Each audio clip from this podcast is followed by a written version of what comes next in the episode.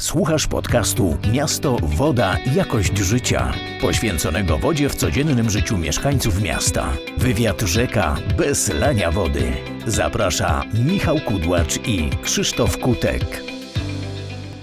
Dzień dobry Państwu, witam Państwa na kolejnym, w kolejnym odcinku podcastu Woda, Miasto, Jakość Życia. Dzisiaj naszym gościem jest pani profesor Elżbieta Nachik z Politechniki Krakowskiej. Będę miał dzisiaj przyjemność y, zadać kilka pytań raz z Michałem Kutaszem, pani profesor. Y, role się troszkę odwracają, bo będąc studentem, to ja byłem pytany przez panią profesor na, na kilku egzaminach. Dzisiaj, dzisiaj my to będziemy pytać. Dzień dobry pani profesor, dziękuję za przyjęcie spotkania, zaproszenie na spotkanie. Dzień dobry panu, ja również dziękuję za zaproszenie do tego podcastu. Y, więc może zacznę od pierwszego pytania, takiego bardzo ogólnego. Dzisiaj mamy słoneczny dzień, nie mamy deszczu, nie mamy zagrożenia powodziowego, ale czy nasze miasta, bo najczęściej rozmawiamy o miastach, czy możemy się czuć niebezpiecznie ze względu na zmianę klimatu, ze względu na to, że czasem nasza ta infrastruktura powodziowa nie jest taka, jakbyśmy sobie życzyli? Yy, pani profesor, czy, czy możemy czuć się zagrożeni, czy raczej bezpiecznie w naszych miastach, w Krakowie, w innych miastach w Polsce? No, ja myślę, że y, nic nie wskazuje na to, żebyśmy się nie mieli czuć bezpiecznie. Oczywiście z małymi wyjątkami, dlatego że w momencie, gdy się pojawiają bardzo silne zagrożenia, zwłaszcza powodziowe, prawda, i zagrożenia suszą, mamy pewne problemy, z którymi musimy sobie poradzić.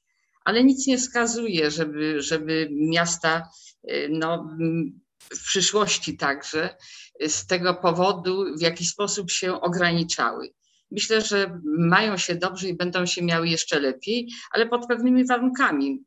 To znaczy, podobnie jak oczywiście cały szereg miast w świecie. Mianowicie pod takimi warunkami, że sobie skutecznie będziemy radzili z rozwiązywaniem problemów wodnych, przepraszam, w integracji z warunkami życiowymi oczywiście, prawda, bo to jest ten klucz.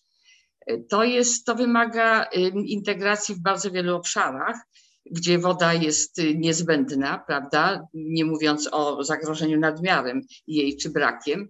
Y, wobec tego musimy, musimy w pewnym zakresie starać się w miastach być samowystarczalni. W tych podstawowych elementach związanych z zaopatrzeniem wody, z wykorzystaniem wód, także w odniesieniu do problemów żywnościowych.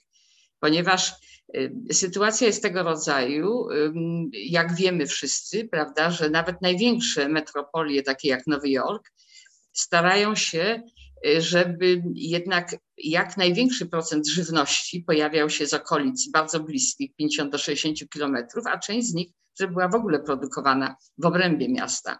Prawda? Wtedy te problemy wodne są jeszcze bardziej y, y, wyzywające, jeżeli chodzi o, o, o sposób radzenia sobie z nimi.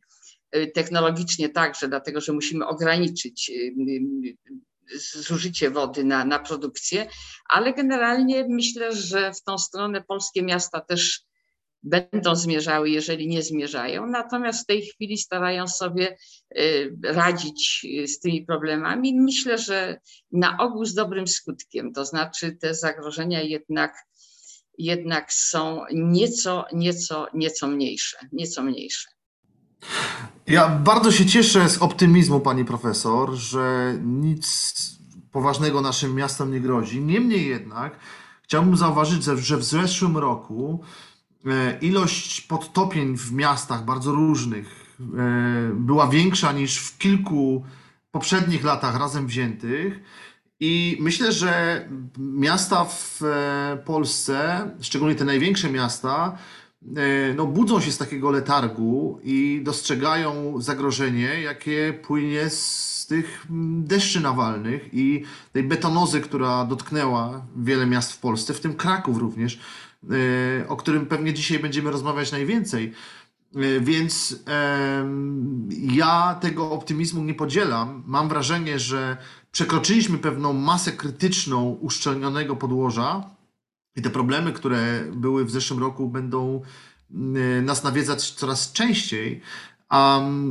to w tym kontekście poprosiłbym Panią Profesor o komentarz, a jednocześnie wspominała Pani Profesor o mm, miastach e, zagranicznych i teraz moje drugie takie pytanie dotyczy tego, czy problemy ewentualne związane z kryzysami wodnymi e, miast polskich różnią się od miast europejskich, czyli czy my mamy wspólne problemy, czy też te problemy są specyficzne dla polskich miast? Ja bym tylko jeszcze, od, rozpoczynając tą wypowiedź, odniosę się do, do, do tego, że Pan po, po, posądził mnie o zbyt duży być może optymizm. Znaczy, jestem optymistką, ale podałam warunki, prawda? To znaczy, i myślę, że, że, że świadomość władz miejskich, świadomość społeczności idzie w tą stronę, żeby sobie jednak radzić. Z podtopieniami mamy gigantyczny problem, to jest prawda. To znaczy, jeżeli popatrzymy na rodzajowy zakres y, problemów, to niewiele on się różni od miast innych, europejskich zwłaszcza, prawda, i miast światowych. Warto jeszcze zwrócić uwagę, że nasze miasta nie należą do największych w Europie, y, a problemy mamy chyba jednak większe. Y, ja od wielu lat się nad tym zastanawiam, prawda, co jest przyczyną. Te przyczyny leżą też w przeszłości. Nasze krajowe problemy wynikają ze złożonej historii naszej państwowości, zwłaszcza w drugiej połowie XX wieku i na przełomie XX i XXI wieku, to wiąże się głównie z zaniedbaniami infrastrukturalnymi, prawda? W okresie, w okresie minionym w systemie nakazowo-rozdzielczym to był inny problem, ale generalnie on powstał też, prawda? To znaczy, że te, te problemy infrastrukturalne pojawiały się. Natomiast obecnie problemy infrastrukturalne się ciągną, to znaczy nie do końca są rozumiane w taki sposób, że jeżeli zainwestujemy w coś, a powinniśmy inwestować dobrze, czyli niekoniecznie tanio, to musimy jeszcze przewidywać środki na utrzymanie tej infrastruktury, na jej konserwację, odbudowę i modernizację. To jest pierwsza rzecz. Druga rzecz to jest słabo kontrolowana, szybka urbanizacja, nie, żeby nie powiedzieć na przełomie XX i XXI wieku wręcz dzika czy suburbanizacja, która towarzyszyła urbanizacji y, bardzo, bardzo intensywnej w, w obrębie miast, prawda, połączona z rozwojem. Nie zapominajmy dróg szybkiego ruchu, autostrad, to się wszystko razem wiąże tutaj, prawda. Skorzystaliśmy na tym, y, po, łącząc ze sobą duże ośrodki miejskie, ale jednak to wygenerowało cały szereg innych problemów. Temu towarzyszył też słaby brak, y, czyli ograniczeń, to znaczy nieprzestrzeganie, ja bym powiedziała, ograniczeń wynikających z poprawnie realizowanej urbanizacji, rozwoju urbanizacji, w którym towarzyszył też brak ilościowych ocen analiz i ocen w zakresie oddziaływania na stosunki wodne, to się tak nazywa, ale także zaniedbań i niechęci do racjonalnych uregulowań prawnych. To wszystko razem do tej pory nam towarzyszy. My nie tylko, że y, jeszcze odczuwamy skutki tych elementów sprzed 20-30 lat, ale w dalszym ciągu y, mamy problem, prawda? Pani profesor, ja to, o tym rozmawialiśmy w poprzednim odcinku z profesor Anną Janówną-Szostak. I to była moja taka konstatacja ekonomiczna. Jestem ekonomistą i jakby mam takie poczucie, że problemy związane z podtopieniami, zgadzam się z panią profesor, że te problemy są gigantyczne w dużych miastach, one się biorą ze złego prawa w zakresie planowania i zagospodarowania przestrzennego, zbyt liberalnego prawa, które powoduje, że dewelop... Ja, ja zresztą też takie, takie zdanie tam y, pozwoliłem sobie powiedzieć, że to jest też opacznie rozumiany przez prezydentów miast, czym jest sukces miast. Sukces miast jest postrzegany jako budowanie nowych biurowców, budowanie nowych osiedli mieszkaniowych. Najlepiej na terenach, które deweloperzy najbardziej lubią, czyli cennych e, krajobrazowo albo kulturowo, historycznie, w ścisłym centrum miasta. Betonujemy, E, dlatego że deweloperzy chcą tylko i wyłącznie maksymalizować przestrzeń, która zarabia. W związku z tym e, przestrzeń usługową, przestrzeń mieszkalną, płatne parkingi betonujemy, a potem dziwimy się, że jak przychodzą deszcze, które, które są coraz bardziej intensywne, no to mamy rzeczywiście problem. Teraz mam wrażenie, że przekroczyliśmy taką masę krytyczną e, tej betanozy i będzie nam bardzo trudno z tego mm, się wyswobodzić. Znaczy moja wypowiedź zmierza jeszcze do tego, że zgadzam się, ale to nie do końca jest jednostronnie, prawda, jednostronny czynnik. Dlatego, że jak popatrzy Pan na wielkie metropolie, to betonoza generalnie dominuje, prawda? To znaczy, to, to, to nie jest dokładnie ten problem. Y, I nie można na niego patrzeć jednostronnie. Natomiast nawet realizując betonozę, trzeba pamiętać o sposobie zrzutu i efektywnym zrzucie wód opadowych, prawda? Nie mówiąc już o ich zatrzymywaniu w określonych miejscach. Kraków znam bardzo dobrze, kilka innych miejsc także. I powiem w ten sposób, że to zostało wygenerowane dosyć wcześnie, a w tej chwili sposób y, radzenia sobie z tym dalej nie uwzględnia wszystkich uwarunkowań. I nie możemy tych wód zrzucić, prawda? Tutaj rejon Serafy, prawda, na, na, na granicy Krakowa i Wieliczki mamy te największe problemy w rejonie Bieżanowa.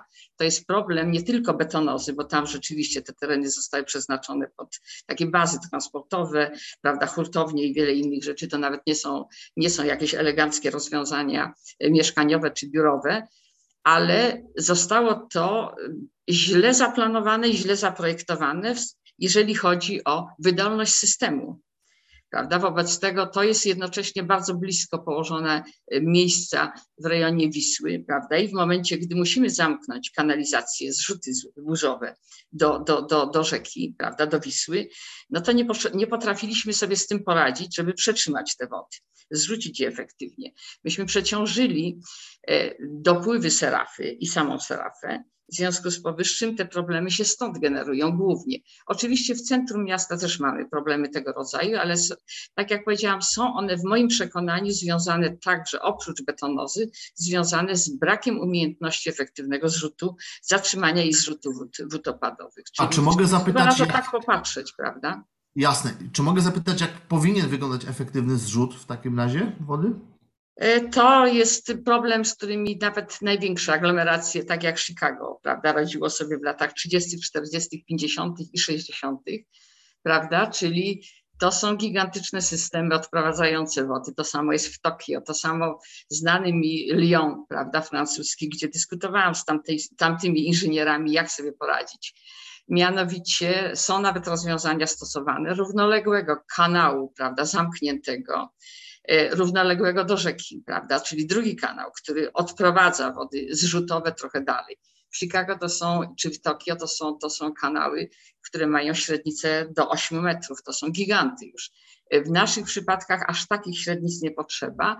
One jednocześnie oczywiście pełnią rolę retencyjną, prawda, bo część wód jest, jest tam retencjonowana, to jest taka zwana retencja przepływowa. Wobec tego można sobie z tym poradzić, ale to są E,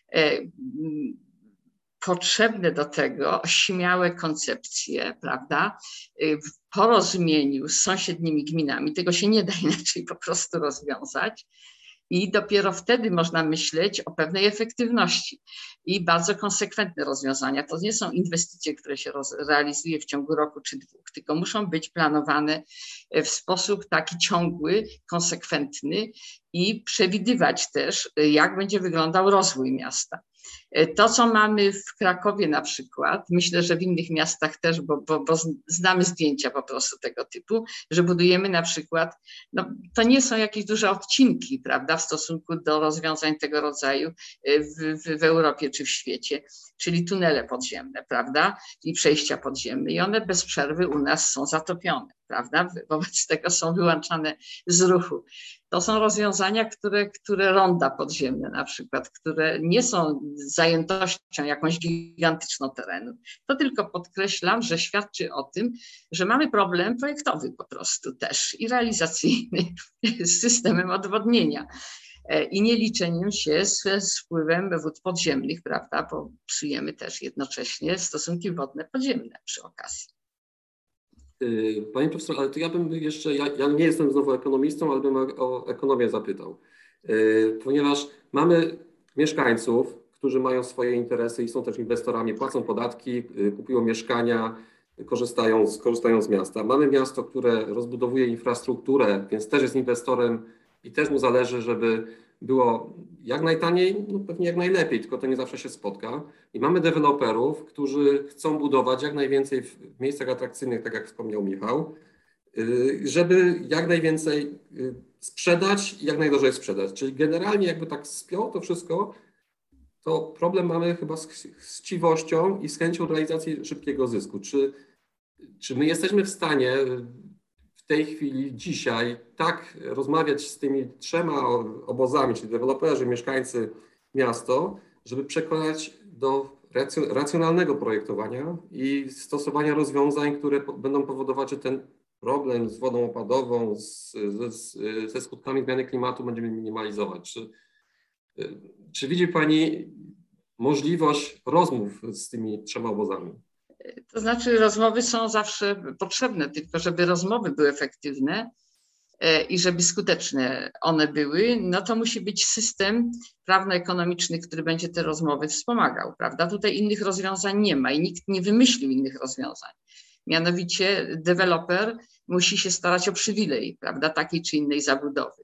I teraz to nie może być niezbywalne prawo. To jest kwestia, kwestia naszego postrzegania uregulowań prawno-ekonomicznych, prawda? Czyli, czyli ile to będzie kosztowało i na jakich warunkach to jest możliwe do, do realizacji. Takie rozwiązania są też stosowane i to jest podpada w wielu krajach pod, pod problem inwestycji celu publicznego. To znaczy, w którym miejscu, miejscu mieszkańcy muszą ustąpić, w którym miejscu deweloper musi ustąpić, żeby można było zrealizować poprawnie cały system, czyli ten system, który podnosi jakość życia mieszkańców, w sensie ich zamieszkania, ich, ich realizacji ich marzeń o, o, o, o pięknym mieszkaniu, y, możliwości dewelopera i skuteczności miasta w takim y, w takiej y, zabudowie, w takiej właściwie koncepcji urbanistycznej, która zapewni też przechwycenie wód, bezpieczne ich odprowadzenie. To jest koszt, oczywiście dosyć wysoki, jednocześnie przy dobrych uregulowaniach prawnych, których nie posiadamy ciągle jeszcze, prawda? Zmieniamy je w kółko, ale one są nieskuteczne. Natomiast z punktu widzenia ekonomicznego to jest problem liczenia nie na dzisiaj, tylko na co najmniej 30 czy 50 lat, prawda? I y, korzyści. Jeżeli w tej chwili, bo mieszkańcy pewnie o tym słabo są informowani, że jednak w naszych podatkach, w naszych obciążeniach są koszty prawda, zniszczonej infrastruktury, odbudowy w kółko tej infrastruktury, prawda, czy naprawy dróg, co widzą, ale nie kojarzą tego jakby z własnym portfelem. W związku z powyższym to jest problem, rozmowy powinny przekonać, po czyjej stronie leżą jakie koszty i w jakim w jakim horyzoncie czasowym one są, one są realizowane. Więc myślę, że, że na to powinniśmy zwrócić uwagę, czyli rozmowy, ale bez uregulowań i bez wsparcia y, tych rozmów przez, przez jednak poprawienie uregulowań prawnych i też tej sfery ekonomicznej, prawda, rozumienia tej sfery ekonomicznej, niewiele zyskamy, bo ten proces trwał u nas już ile lat, jak panowie popatrzą na to, ile lat można dyskutować prawda? I nie ma efektów. Są efekty, ale tak jak powiedziałam, ja jestem optymistką ciągle. Są efekty, tylko one jednak przychodzą w, w długim okresie czasu. No powiem taki przykład, że teraz rzeczywiście dla jednego z miast śląskich, pewnej dzielnicy, prawda, robiłam opinię rozwiązania już takiego koncepcyjnego. No muszę powiedzieć, że projektant i planista przychylił się do, do, do, do, do, do poprawek ale to jest ciągle ten problem, że mamy prawo kulawe, mamy koncepcję, która musi być zrealizowana w bardzo krótkim czasie, prawda? No to ona już z natury rzeczy jest ułomna, dlatego że nie bierzemy pod uwagę wszystkich uwarunkowań. Jeżeli chcielibyśmy to poprawnie rozwiązać, to musimy wytworzyć bazę danych, prawda, która będzie adekwatna do problemu. Natomiast jak wiecie panowie, że przetargi dalej realizowane są po najniższej kwocie w zasadzie, w związku z powyższym i w bardzo krótkim czasie, prawda, bo procedury przetargowe trwają tak długo, że później przy najlepszej chęci planista i projektant ma bardzo krótki okres czasu realizacji, no to mamy taki problem, z jakim borykamy się do tej pory, więc zgadzam się, że, że tak, ale jednak musimy bardzo wiele elementów w tych dyskusjach zmienić. Pani profesor, spróbujmy porozmawiać konkretnie o przykładzie. Przenieśmy się na moment do Krakowa. Ja mam bardzo konkretne pytanie dotyczące tego, czy zdaniem pani profesor e, miejska polityka wodna w Krakowie jest prowadzona w sposób efektywny. Oczywiście jest to pytanie szerokie, bo woda jest zasobem multifunkcyjnym i, i zapewne gdybyśmy rozmawiali o gospodarce wodno-ściekowej, to wystawilibyśmy wysoką ocenę prezesowi krakowskich wodociągów, który zresztą był gościem e, jednego z naszych podcastów. Mamy wodę dobrej jakości. Myślę, że mamy wysoki e, odsetek z wodociągowania, skanalizowania Krakowa. Natomiast chciałbym, żeby pani profesor spróbowała popatrzeć na wodę z różnych perspektyw i żebyśmy wspólnie zastanowili się, czy Kraków realizuje w sposób właściwy, w sposób efektywny kwestie związane z miejską polityką wodną. Jakie jest zdanie pani profesor?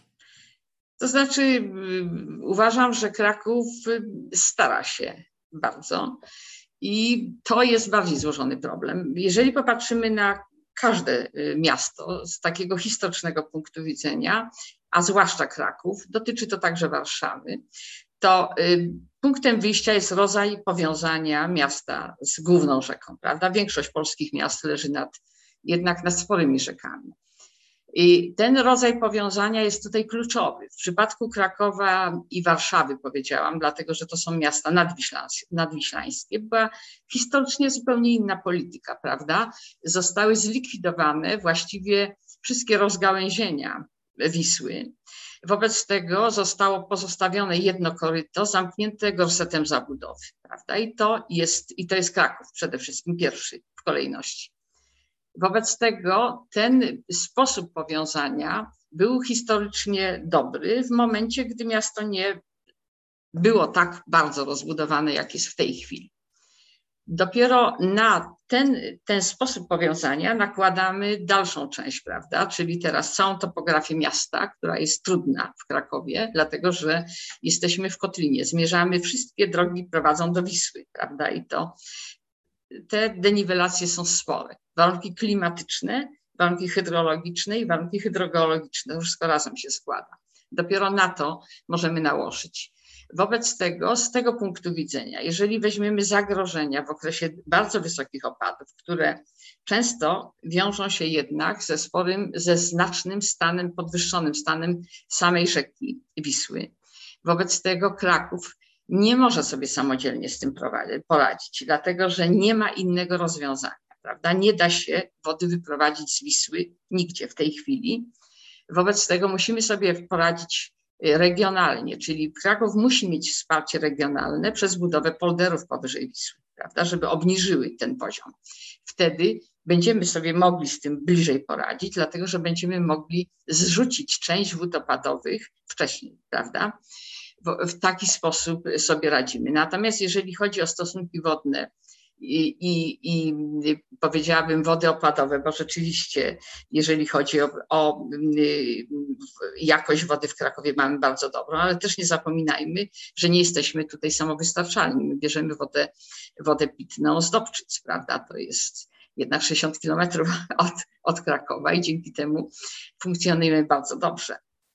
Natomiast, natomiast staramy sobie, miasto stara, sobie, y, stara się poradzić sobie z wodami tutaj powierzchniowymi, z podziemnymi jest gorzej. Kanalizacja Wisły, która też nie jest, nie jest, jakby miasto nie miało na to wpływu, powoduje, że mamy podwyższony stan wód podziemnych, prawda? Cały czas musimy pompować pompować wody, żeby, żeby nie było jeszcze podtopień w piwnicach.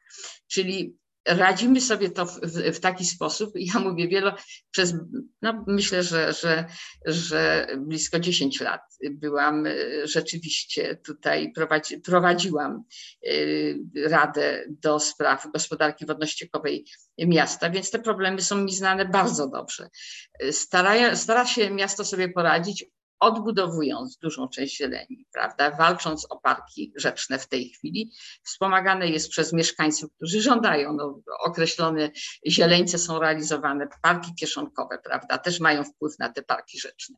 Więc w tym sensie następuje tutaj poprawa. Nastąpiło też taka integracja gospodarki wodami opadowymi z, z, z, jakby, z ograniczeniem zagrożenia powodziowego.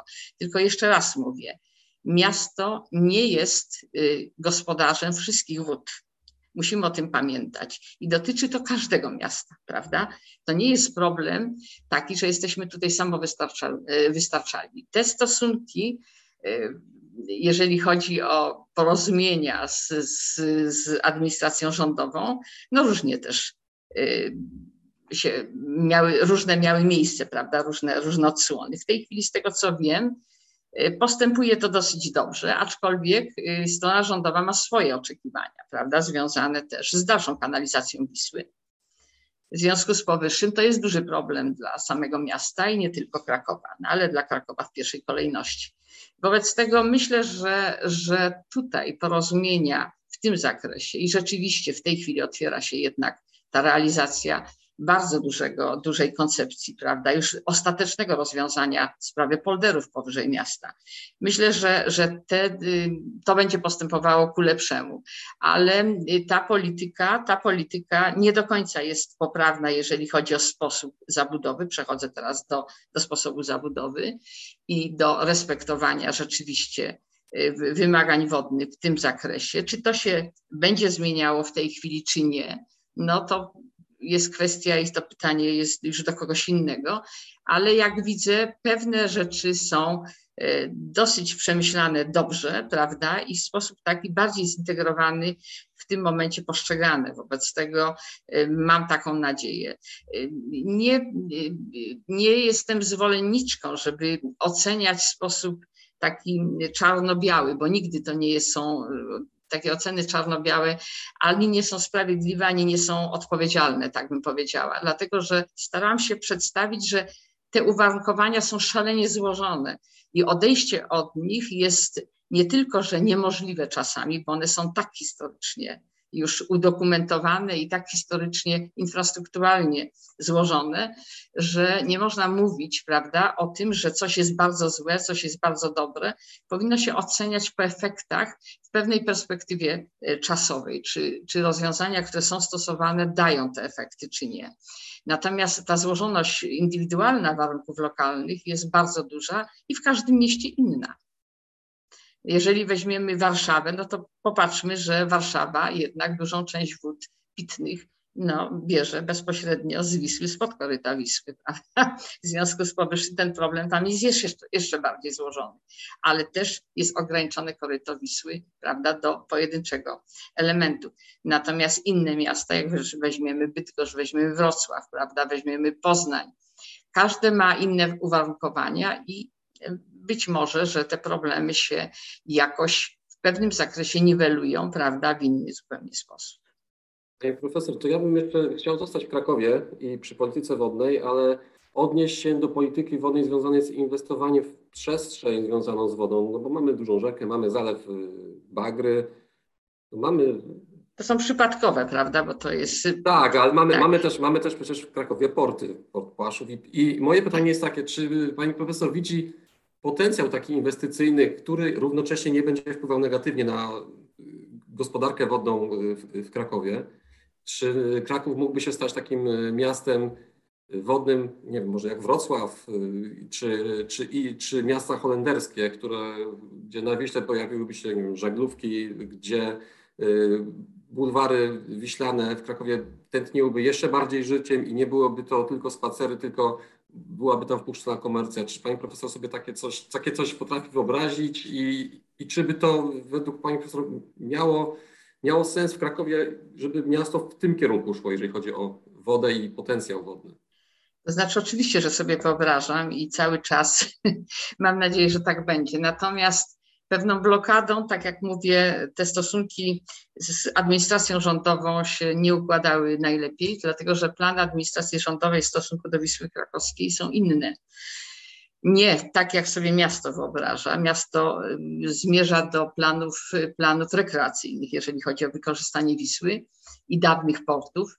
Przypomnę, że ten port Płaszów, o którym Pan wspomniał, to jest pokłosie też e, polityki e, ogromnej takiej y, żeglugowej, dawnej bardzo, bo to jest 1910 do 1900 prawie 20 roku, y, no, perspektywa i marzenia o wielkiej żegludze na Wiśle i na kanale równoległym do Wisły.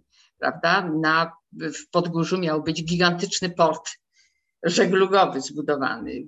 Prezydent Leo, Juliusz Leo zablokował to mało kto o tym wie, prawda? Te, te, te plany, które były abstrakcyjne zupełnie, zablokował w ten sposób, że rozpisał konkurs w 1911 roku na Wielki Kraków, rozstrzygnął go w pół roku i zaczął budować Podgórze. W ten sposób zablokował, zablokował rozwój żeglugi przez samo miasto.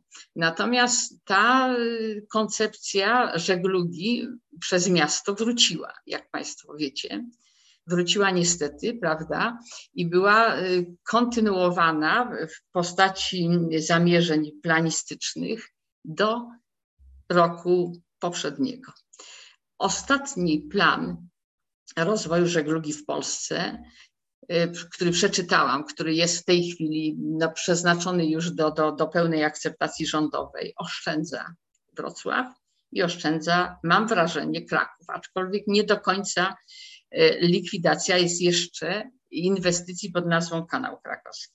Wobec tego tu miasto ma pewien problem, czyli to jest taka sytuacja, że, że wszystkie zamierzenia, zamierzenia miasta do tej pory nie mogły być realizowane. Były, z tego co ja wiem, były, były zamierzenia związane z żeglugą, prawda, taką rekreacyjną, z, z żeglówkami, z żaglówkami na, na Wiśle, prawda. Elementy się pojawiają, bo to są te, te barki stałe, które, które mają charakter restauracyjny, prawda, powiązane z bulwarami miejskimi, więc miasto chciało iść w tą stronę. Mam wrażenie, że teraz będzie mogło iść w tą stronę pod warunkiem, że, że zostanie jeszcze odblokowany jedna inwestycja, to znaczy nie będzie straszenia nas, że duży port będzie budowa, zbudowany poniżej Krakowa, prawda? W ten sposób, że jednak także główna będzie ciągnięta przez Kraków.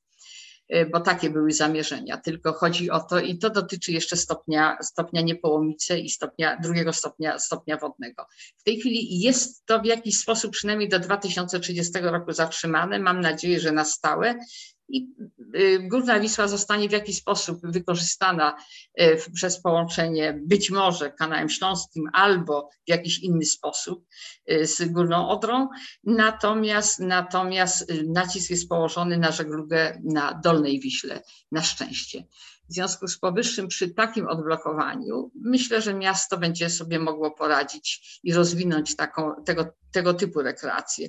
Oczywiście, jak przywołuje Pan tutaj holenderskie rozwiązania, to, to są bardzo eleganckie rozwiązania, które wykorzystują także mniejsze kanały, prawda, i, i, i barki mieszkalne. Jest to wszystko, wszystko, wszystko tutaj dopuszczone. Nasz układ hydrograficzny jest nieco inny, ale, ale żegluga rekreacyjna to jest coś, o czym chyba marzą wszyscy krakowianie, prawda, i to otwarcie jeszcze większe, prawda, obu brzegów Wisły na rzekę jest moim zdaniem osiągalny. To znaczy, jeżeli rzeczywiście ten nowy plan żeglugowy zaistnieje i, i Kraków nagle się pojawi, prawda, że, że nie jest tym ele elementem wielkiej żeglugi na Wiśle. Tak bym to skomentowała Państwu. Gościem dzisiejszego podcastu była profesor Elżbieta Nachlik, reprezentująca Politechnikę Krakowską. Pani profesor, bardzo dziękujemy, że znalazła Pani czas na spotkanie i na ciekawą rozmowę. Mamy nadzieję, że Pani profesor da się w przyszłości zaprosić na kolejny odcinek. Owszem, dziękuję bardzo. Dziękuję.